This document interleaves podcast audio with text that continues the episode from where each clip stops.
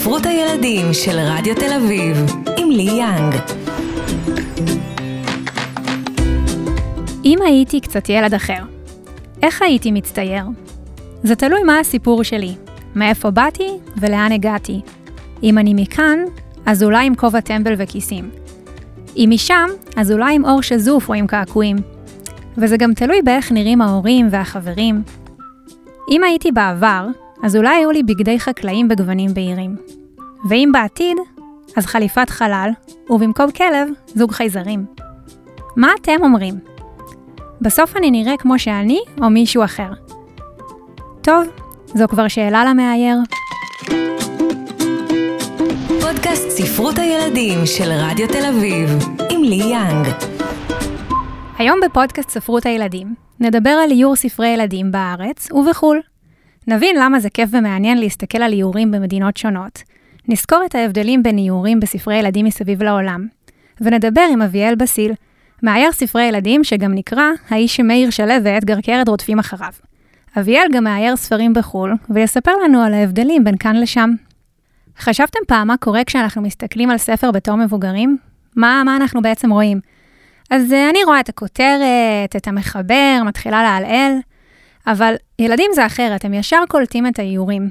והם צודקים, איזה כיף זה לראות איך ספרים שונים מציגים נושאים שונים, דמויות, קונפליקטים, ובכלל, כדאי להשוות בין, בין מדינות. אז למה? קודם כל, אנחנו בקורונה ולא מטיילים, או לפחות אני, וזה לא כיף. דבר שני, אני חושבת שתמיד הסתכלתי החוצה על ספרים כדי לראות איך דברים נראים במקומות אחרים, לקבל השראה, רעיונות, גם לספרים שלי ובכלל. ואיורים בספרי ילדים, אם תחשבו על זה, זה כמו מוזיאון בינלאומי גדול של תמונות. אז ממש אומנות. אני רוצה להתחיל את המסע שלנו אה, בין אה, ספרי הילדים המאוירים ביעד אהוב על ישראלים, אירופה. אז uh, באירופה יש המון ג'אנרים שפשוט אין להם מספיק קהל בארץ. נגיד ספרים ליריים, ספרי ילדים למבוגרים, ספרים שאפילו אין להם עלילה. ג'אנרים פחות נורמליים, אבל פשוט יש שם יותר אנשים, זה לא שהם יותר נאורים או משהו כזה. אה, יש גם סגנון שלא רואים בארץ בתפוצה רחבה, שזה ה-visual narrative, ספרי ילדים ללא מילים. אה, יש ספר כזה מאוד מפורסם, או סדרה, אה, שקוראים לה באר שבע. לילה בבאר שבע, אביב בבאר שבע. אני, זה לא ספר ישראלי, אבל ככה הוא תורגם. אז picture books שמספרים את הסיפור דרך האיורים, כמו שהיה פעם איפה אפי, אבל עם עלילה של ממש. אגב, אירופה זו לא מדינה, זו יבשת, והיא מחולקת לדעות וסגנונות שונים. אז uh, אני רוצה לדבר קצת על, uh, על ההבדלים. לפני שש שנים ביריד הספרים של בולוניה ראיינו מספר אנשי uh, מפתח מהוצאות גרמניות. ואחת שקוראים לה ססקיה היינץ, מהוצאה שנקראת קארל הנזר, ממינכן, עשתה כזאת הבחנה. היא אומרת, הצרפתים הם יותר הרפתקנים ומעזים באיור, האנגלים אוהבים וינטאז', הרוסים אוהבים תשומת לב לפרטים והם יותר קלאסיים, והגרמנים, על המאיירים הגרמנים היא אומרת, אנחנו די קונסרבטיביים, בתרגום חופשי מהאנגלית אני ציטטתי, תרגמתי אותה, אנחנו מצפים מעט מאוד מהילדים שלנו, ומאמינים שהורים וסבים מעדיפים לקנות ספרים עם איורים שיותר מוכרים להם. כלומר, הם מעדיפים את מה שהיה פעם. נשמע די סטריאוטיפי גם uh, לגבי תרבויות בכלל, לא רק באיור. Um, אגב, אירופה ואמריקה וכל העולם המערבי הזה, אני רוצה לדבר לרגע על דרך העבודה של יצירת האיורים במדינות האלה. אז uh, לפי מה שהבנתי, בארץ העבודה מול המאייר ברוב המקרים היא מול העורך הספרותי של ההוצאה. זה בדרך כלל מה שאנחנו רואים. ומאיירים, אה, אלה שעובדים בחו"ל, אומרים שזו בעיה, כי מה... העורך, למשל, או ראש ההוצאה, הם מגיעים ממקום של אה, לשון, מילים, ולא ממקום של צבעים וקומפוזיציות ותכנים שקשורים באיור, אבל בכל זאת הם נותנים הערות למאיירים. לעומת זאת, בחו"ל, בדרך כלל ההוצאות המבוססות יותר יש ארט דירקטור. אז הוא מדבר בשפה של המאייר, מציע פתרונות, רעיונות, ואפילו יש מאיירים שאומרים שזה משנה את כל אופי העבודה שלהם. ויש להם גם מחלקת שיווק שבסוף נותנת את הטון. נחזור לטיול שלנו בעולם. אז מה הקשר בין ארצות הברית ויפן? במחקר השוואתי שנערך לפני שבע שנים, בין איורים בספרי ילדים אמריקאים אל מול יפנים, נמצא שספרי הילדים האמריקאים הרבה יותר עמוסים מבחינת איורים והתוכן שלהם, לעומת היפנים. למה? המחקר טוען שזה מראה את אופי תשומת הלב של הילדים משתי התרבויות. בה ילדים מתרבות מערבית מתמקדים בעצמים עיקריים בסצנה, שזה נקרא גם תשומת לב אנליטית, וילדים מתרבויות המזרח נוטים להתמקד במערכות היחסים בין החפצים בסצנה. זה נקרא תשומת לב הוליסטית. אגב, המחקר הזה נעשה מילדים כבר מגיל שלוש. נעבור יותר קרוב אלינו. מה עם מדינות ערב? אז uh, מצאתי מחקר חדש של האמירויות שסיפר על העדפות של הורים לגבי איורים בספרי ילדים. ומה אמר המחקר? הורים קודם כל אמרו שבכללי הם יותר מושפעים מתוכן ולא מאיור. מעניין. הורים אמרו שהם בוחרים איורים שמוכרים להם ואוהבים איורים שמתחברים לערכים ולהשקפות העולם שלהם. הייתה גם קבוצת הורים דתיים שנחקרה, וברובה היא גם אמרה שהם בוחרים איורים שמחזקים את האמונות הדתי, הדתיות שלהם. נשמע לכם בטח שמרני, וזה נכון, ובכלל מעניין לדעת שבאמירויות עד לא מזמן לא הייתה תרבות ספרותית של ממש, ולא לדבר על איור ספרי ילדים. התחום עובר כנראה מהפכה, לפני כן סיפרו שם אה, סיפורים מפה לאוזן, בדיבורים, והיום אני ממש מצאתי ארגונים שממש תומכים בסופרים ומאיירים, ומנסים לחדש ולפתח את הקהילה הזאת. מגניב, לא? מה לגבי ייצוג אתני בספרים? אז אני בארץ, האמת, אין לי יותר מדי תלונות, אולי אני תמימה, אבל הספרים נראים לי די צבעוניים, אה, לפחות גם איך שמאיירים את הדמויות בספרים שלי, נראה לי בסדר.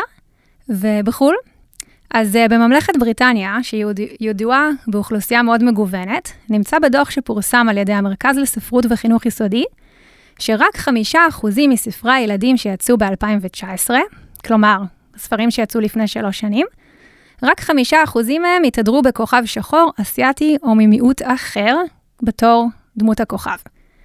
בנוסף, רק עשרה אחוזים מהספרים שיצאו לאור כללו דמויות לא לבנות, וזאת למרות ש-33.5 אחוזים, כלומר שליש מתלמידי הממלכה, מגיעים מרקע אתני. כאילו, מה קורה בריטניה? וגם מצאתי נתון מעניין על מאיירים. מאיירים בריטים מרקעים אתניים מייצגים כ-8% מהמאיירים באנגליה. הנתון הזה גורם לי להרים גבה, איך ייתכן? כאילו, כולם יצירתיים. אבל כנראה שזה לא רחוק מהמציאות ומתרגם לפי uh, מה שאנחנו בעצם רואים בספרים. אז uh, אביאל בסיל, אני שמחה שאתה איתנו פה בפודקאסט. היי, כיף, כיף גם לי. אז uh, תספר לנו קודם כל, uh, מה גרם לך לבחור לאייר ספרי ילדים? זו השאלה הראשונה ששואלים אותי תמיד. Mm-hmm. אין, לי, אין לי תשובה חכמה מדי, כי לא, לא כזה בחרתי, פשוט ציירתי כל, כל החיים. ורק בגיל מאוד יחסית מתקדם הבנתי שגם אפשר, שאפשר לעבוד בזה. אז uh, התגלגלתי לשנקר ולמדתי איור, ו... והפרויקט גמר שלי ב- בסוף ארבע שנים היה אמור להיות משהו אחר לגמרי, ופשוט איזה מקריות ופשלה שעשיתי, מפה לשם בחרתי לעשות ספר ילדים רק כי, כי זה מה שהזמן אפשר לי. וזה היה עוג מלך הבשן, והוא ככה התקבל ממש טוב בחוץ, והוציאו אותו לאור, וזהו, וזה פשוט אה, גלגל אותי לתוך העולם הזה, אפילו לא התכוונתי. גלגל אותך וגם אה, גלגל אותך לאייר מעבר לים, ובהצלחה כן. רבה.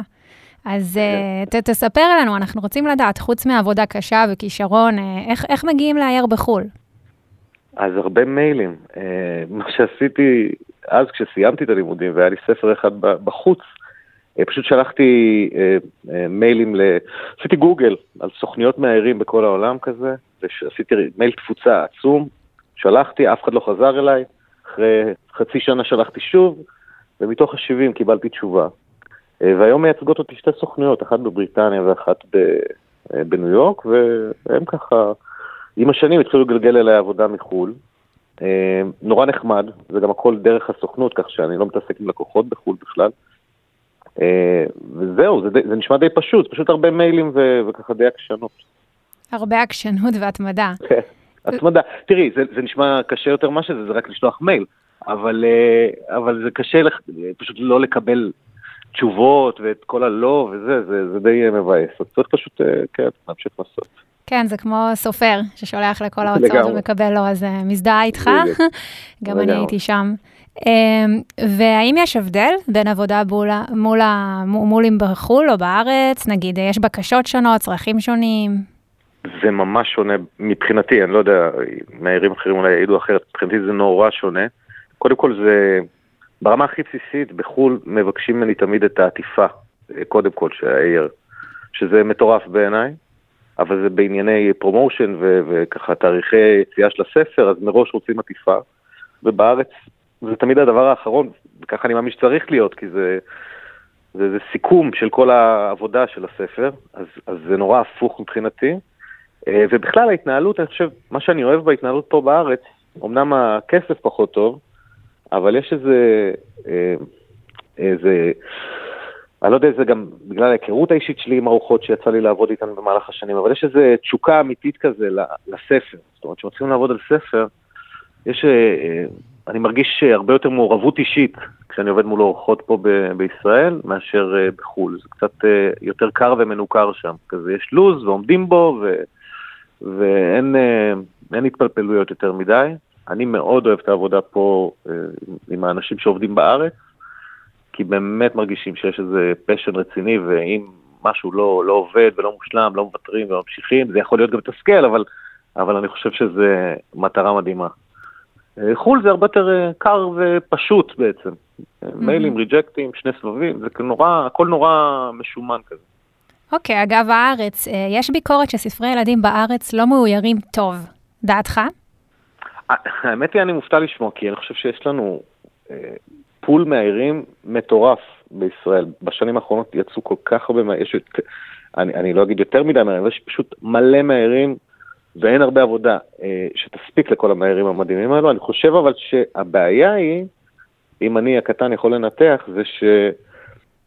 אני חושב שיש הרבה, אנש, הרבה מדי אנשים ש, שמרגישים שהם יכולים להיות מאיירים, כי הם יודעים לצייר נגיד קצת, ו, ובגלל, הכל, הכל בסוף זה הכסף, ובגלל שאין הרבה תקציבים, ולהוצאות אין הרבה תקציבים, ויש כל מיני אה, אה, פלטפורמות של הוצאה עצמית של ספרים, וכל מיני דברים כאלו, אז, אה, אז ברגע שיש אה, מאייר אה, שניים, שלושה, שייתנו מחיר שהוא נחשב גבוה להם, אז uh, תמיד ימצאו מישהו שם, או מישהי שנמצאים uh, אולי באופן פחות מקצועי בתחום, uh, שיעשו את זה בהרבה פחות. אז אנחנו רואים, זאת אומרת, כאילו יש מלא ספרים, אז בטוח שיהיו גם כאלו שהם פחות טובים, אבל אני חושב שהרמה פה היא, היא, היא גבוהה בטירוף, יחסית לגודל המיניאטורי שלנו כמדינה, יש פה מהירים פשוט ברמה עולמית. אני אגב מסכימה איתך. ובכל זאת, אה, איזו מדינה לדעתך מחזיקה בארסנל המאיירים הטוב בעולם? ישראל? את יודעת מה, אני, עכשיו כשאני, כשאני אומר את זה אני משכנע את עצמי. אני חושב שביחס ל... אמנם זה כזה, זה מרגיש לי שזה של השנים האחרונות, התפתחות של העשור האחרון נגיד, שיש אינפלציה של מאיירים מטורפת. אני חושב שביחס לגודל, אני חושב שאנחנו עומדים יפה מאוד, אה, אם, לדעתי, זאת אומרת, מבחינת הטעם שלי. אה, אני חושב שאנחנו עומדים יפה מאוד מבחינת האיכות מהערים שיש לנו אה, במדינה כזאת קטנה. אני מאוד אוהב מהערים צרפתיים, ברמה האישית, מבחינת הטעם, זאת אומרת, יש איזה סגנון לכל מדינה בערך, אה, אז הטעם שלי הוא נורא מהערים צרפתיים, אבל אני חושב שפה יש לנו פול מהערים מהמטובחים. שאלה אחרונה, מעניינת אותי במיוחד. אתה מאייר ותאייר המון, וסביר להניח שיהיה איזה ספר או כמה שיזכו, אה, אתה יודע, להיות רבי מכר קלאסיקות, להיזכר על ידי דורות רבים קדימה. אה, חשבת על זה פעם? איך זה מרגיש? אה, אני מודה שרוב הזמן אני לא חושב, בוא נגיד שבשנים הראשונות בכלל לא חשבתי על זה, עוד גם לפני שהיו לי, זאת אומרת, אני מהר הרבה ספרים, עוד הרבה לפני שהייתי אבא, אז לא, לא, כאילו עשיתי את זה מכוח אנרציה כזה, נורא נהניתי מזה, אבל לא חשבתי על מה אני עושה בגדול. זאת אומרת, על, ה, על המקום של זה בתרבות ואיפה זה יישאר וילך. אבל עם הזמן, אחרי, ש... אחרי איזה כמות ספרים שאיירתי, התחלתי לחשוב על זה, וזה די... אה, אה, אה, אני חושב שכבר זה כזה מחמם, לא יודע, מרגיע אותי כזה, זה, כי אני כזה כל הזמן ב, במרוץ הישגיות לעשות עוד ועוד ועוד ויותר טוב ולשפר ולשפר, ובזה שאני יודע שיש לי כמה ספרים מתוך הארסנל שאיכשהו הם כבר נחשבים, שאני יודע שהם יישארו פה שנים קדימה, זה כבר אה, הרגיע אותי. זה, זה נראה לי הדבר הראשון שזה עשה לי. הרגיע אותי, כאילו עשיתי את שלי כזה קצת, ואני יכול עכשיו ליהנות ולנוח, כי זה, זה חתיכת, אה, מבחינתי הישג, שאני יודע ש... עצם זה שאני חושב על זה שאנחנו מדברים עכשיו, ובהרבה בתים יש ספרים שלי, זה גם לא נתפס בעיניי, זה גם מטורף. אז כל פעם שאני חושב על הדברים האלו, זה די, די מדהים אותי, כן. אבל כיף גדול, ו- ותמשיך לאייר. אה, אביאל בסיל, תודה. תודה רבה שהיית איתנו היום. בכיף. תודה ביי לך. ביי ביי. ביי. ההמלצה שלי. אז אה, בגלל שאנחנו מדברים על איורים, אני רוצה להמליץ היום על ספר שהוא כולו איורים. הספר יום שלישי של דיוויד וייזנר, מלפני 20 שנה, 1991, ולא מרגישים. זה ספר שמספר, תוך כדי איורים בלבד, מה קרה ביום שלישי אחד, ואת השאר לא אגלה. אגב, הספר זיכה את, זיכה את היוצר שלו בקלדקוד מדל, זה פרס שלא הכרתי עד עכשיו, וזה פרס יוקרתי לספרות ילדים באמריקה, ואגב, יש לו כבר שלוש מדליות כאלה. זו הייתה רק הראשונה. אה, לא מצאתי אותו בארץ, אבל יש אותו באמזון, ותקנו אותו באנגלית, כי מה זה משנה? גם ככה אין מלל. אני רוצה להודות לכל מי שהיה איתנו כאן היום, תודה לזוהי קרמן, תודה לאמרי בן עוזיאל, ולאביאל בסיל שהיה איתנו היום בפודקאסט. וזה הסוף.